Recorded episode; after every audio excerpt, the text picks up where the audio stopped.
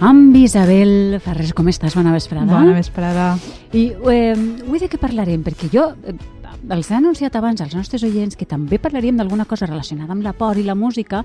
No sé si els he creat expectatives eh, falses. És el punt, és el punt d'on he, he començat, Mm. perquè tot això del coronavirus és el que... la por, no?, que tenim allò desconegut, Sí. Però quan la por és llunyana, és com Mm. que està en un altre lloc, no ens afecta tant, no? I, I un poc ho hem fet en el coronavirus, quan era una cosa que estava a Xina, era com que estava allà, no? Un poc I ara que ho tenim a general. prop... i ara que el tenim a prop i de vegades també quan una cosa està lluny culturalment els altres es reduïm no? a, un, a un estereotip que també hi ha hagut part de la comunitat xinesa que s'ha queixat un poc de- d'això i nosaltres diria que els europeus ho fem molt amb els africans, amb els americans però sobretot ens passa amb els, amb els orientals, esta reducció no? de tots Mhm. són iguals quan en realitat són molt diferents com nosaltres Però estem òbviament. parlant fins i tot d'un fenomen? Té nom, això? Això sí, n'hi han posat nom i s'anomena orientalisme. Ara, Ah. conforme ho he explicat, és un fenomen, pareix un fenomen exclusivament negatiu, però no ho és tant. Té com les dues cares. Una podríem dir que és positiva Mhm. i una altra que no tant. En principi, l'orientalisme és la representació d'aspectes, diguem, orientals per part d'artistes, escriptors, literats, etc. Sí. Eh, i quan, quan diem orientals, fem a l'engròs, igual en poden ser turcs que japonesos. És un concepte molt, molt, Molt general. ampli, sí. Però és un concepte que parteix d'una d'una curiositat sana per allò exòtic, per allò desconegut que tenim tots els humans, no? Quan alguna cosa no la coneixem bé, ens, ens sorprèn i ens resulta molt atraient. Mm, clar, per això en principi, eh, tu ho has dit, no? no, no es tracta d'una qüestió negativa, sinó eh, positiva. Exacte. Però entenc que si hi ha una positiva, també segur n'hi ha una de no tant. Sí, el, el que no és tan negatiu és esta reducció que fem molt estereotipada. eh? Partim d'una cosa molt complexa i la, i la reduïm. Per a fer este tipus de reduccions, en principi això també ho fem comunament. És, són dos tipus d'operacions. La primera és que eh, identifiquem quins són els trets rellevants d'aquella cultura i després escollim els que ens són més fàcilment reconeixibles. Eh, poso un exemple. Si tinguérem que fer des de fora una representació dels valencians, Sí. segurament pues, posaríem qualsevol traje més o menys eh, típic de la zona. de tòpic, Eh, no? sí, I- exactament, paella, petards, no? Seria Mm. un poc des de fora. Doncs nosaltres amb els, amb els altres fem això, però mm, quan és a nosaltres sabem que és un tòpic, sabem que no tots els valencians som així les 24 hores Clar. almenys, i quan ho, en canvi quan ho fem en els de fora no som tan tan con, conscients. I el problema de l'orientalisme és quan se'n fa, diguem, un mal ús, quan utilitzem per a sentir-nos superiors o per a això, no? per a restar importància a coses que passen a l'altre costat del món. Clar, Mm. però si parlem de música i suposa que Sí. si ens contes tot això és perquè eh, entenc que en música també podem representar l'altre d'esta forma eh, que ens has explicat, no? Efectivament, podem representar l'altre i podem representar-ho per, per mer gust estètic i també a vegades per anem un poquet més enllà i també ho utilitzem d'algunes formes que avui veurem. I com funciona, per exemple? Com es pot fer això en música?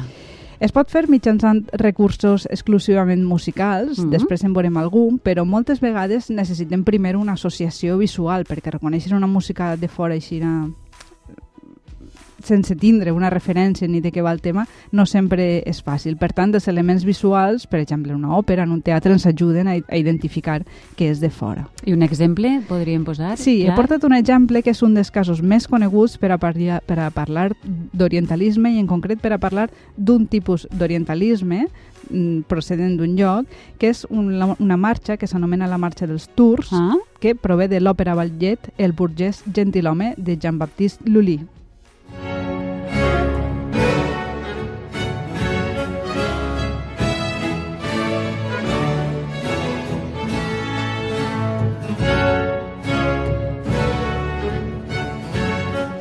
Sí, és, és coneguda, és, Mhm. és, apareix també en diverses pel·lícules de l'època Sí. del barroc. Explica un poc l'argument de l'òpera per a que s'entenga. És una, és una comèdia on el protagonista és un senyor, un nou ric, que diríem avui en dia, que per a fer-se l'interessant vol, vol intentar fer-se l'interessant. I aleshores, com que s'acosta a la cultura, però només en aquesta finalitat. No Ja. té molt més No té interès, interès. més profund Mm. en, en aprendre, sinó que senzillament ell vol viure com un burgès. Mm És la seva finalitat. I és molt lícita, eh? és perfecta. Eh, n'hi ha un moment en què n'hi ha com un embolic gros i intenten enganyar-lo, fent-lo creure que un, n'hi ha un altre home amb el que s'ha de relacionar, no faré més spoiler, i el fan creure que és un noble i és turc. sí? Mhm. I apareix en esta cerimònia, per això s'anomena cerimònia turca, que s'inventen on tots els personatges van disfressats, que és la música que estem escoltant, esta cerimònia. Ahà. Eh, I és música turca? Que jo no? sàpia, té molt més de música francesa europea del segle XVII, Ah, que sí? és el que és l'òpera, que de turca. Té algun detall, com les notes agudes, els tambors sorollosos, que era una cosa que s'associava molt als turcs, el soroll, Ahà. però poc més.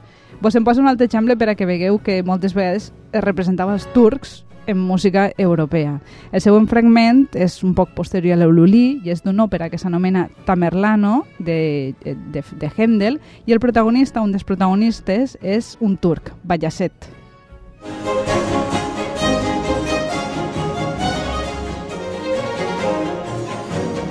Ciel e terra armi di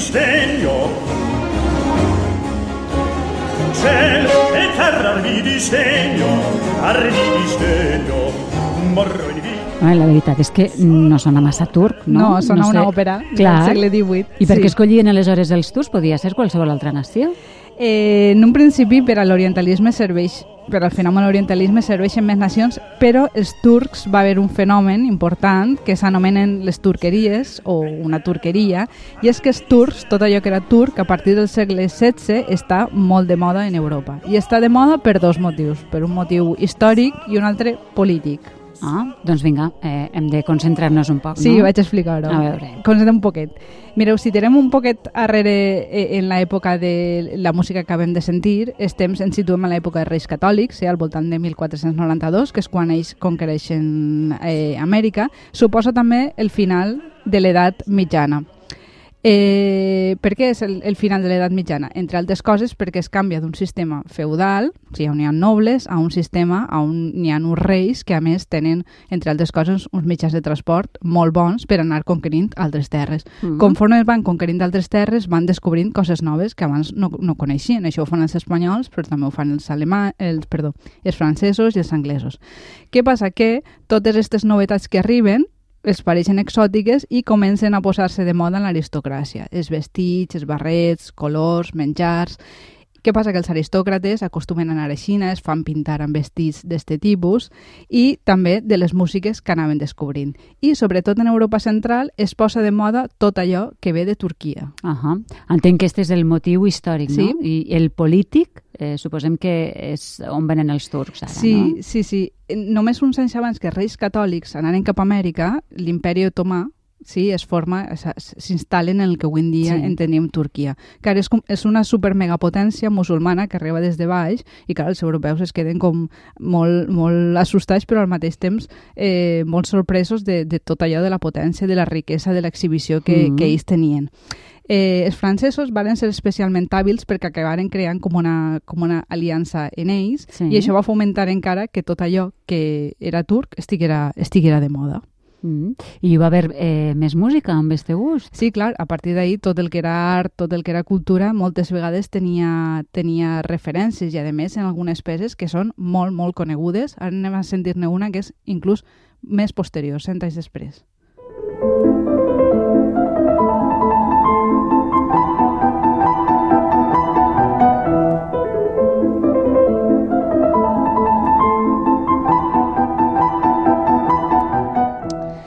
Això és... Que bo. Sí, sí, sí. Això és la, també se l'anomena marxa a la turca, Sí. perquè és el tercer moviment de la sonata per a piano de número Mozart, 11 sí. de Mozart i és un rondó i a l'inici de la partitura posa a la turca.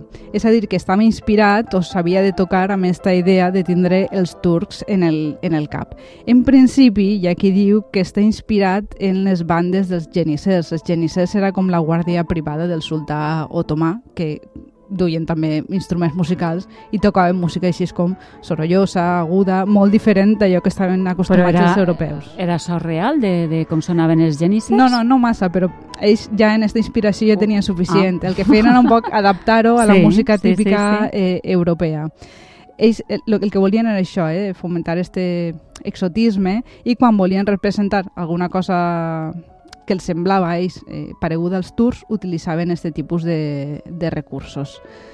Um, i moltes vegades també, quan hi havia algun personatge, per exemple, les òperes, això no, perquè és una sonata per a, per a piano, però quan hi havia algun tret negatiu en alguna òpera, algú que havia de fer de dolent, sí, li atribuïen estes, estes eh, fesonomies o este personatge venia de fora, en este cas venia de, de Turquia. El mateix Mozart ho utilitza més tard en una òpera que s'anomena El rapte del Serrall. Ara que això que escoltarem és l'obertura.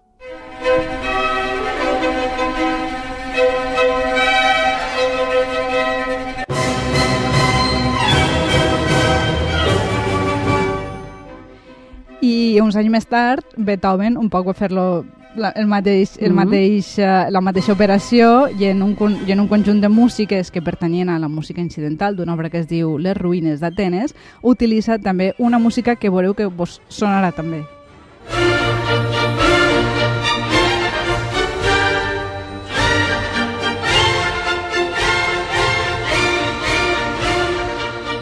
Sí. I per a que vegueu que tampoc era música turca en el sentit estricte de, de la paraula, que era una representació, aquesta música en realitat Beethoven se l'autorecicla d'una que ja havia fet, que era una sonata seua per a piano. I que fa afegitons o... Senzillament l'agafa el piano i la passa a, a l'orquestra. Escoltem-la breument.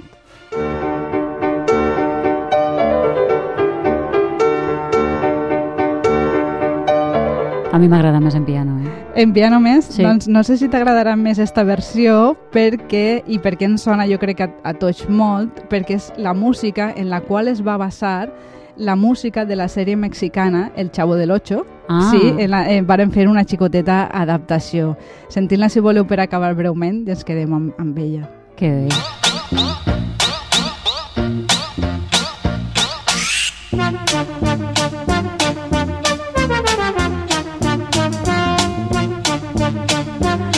Mira, tots aquells de la peixera veient el Xavo de l'Ocho. Jo, Sí. jo no ho veia massa, la veritat, t'he de dir.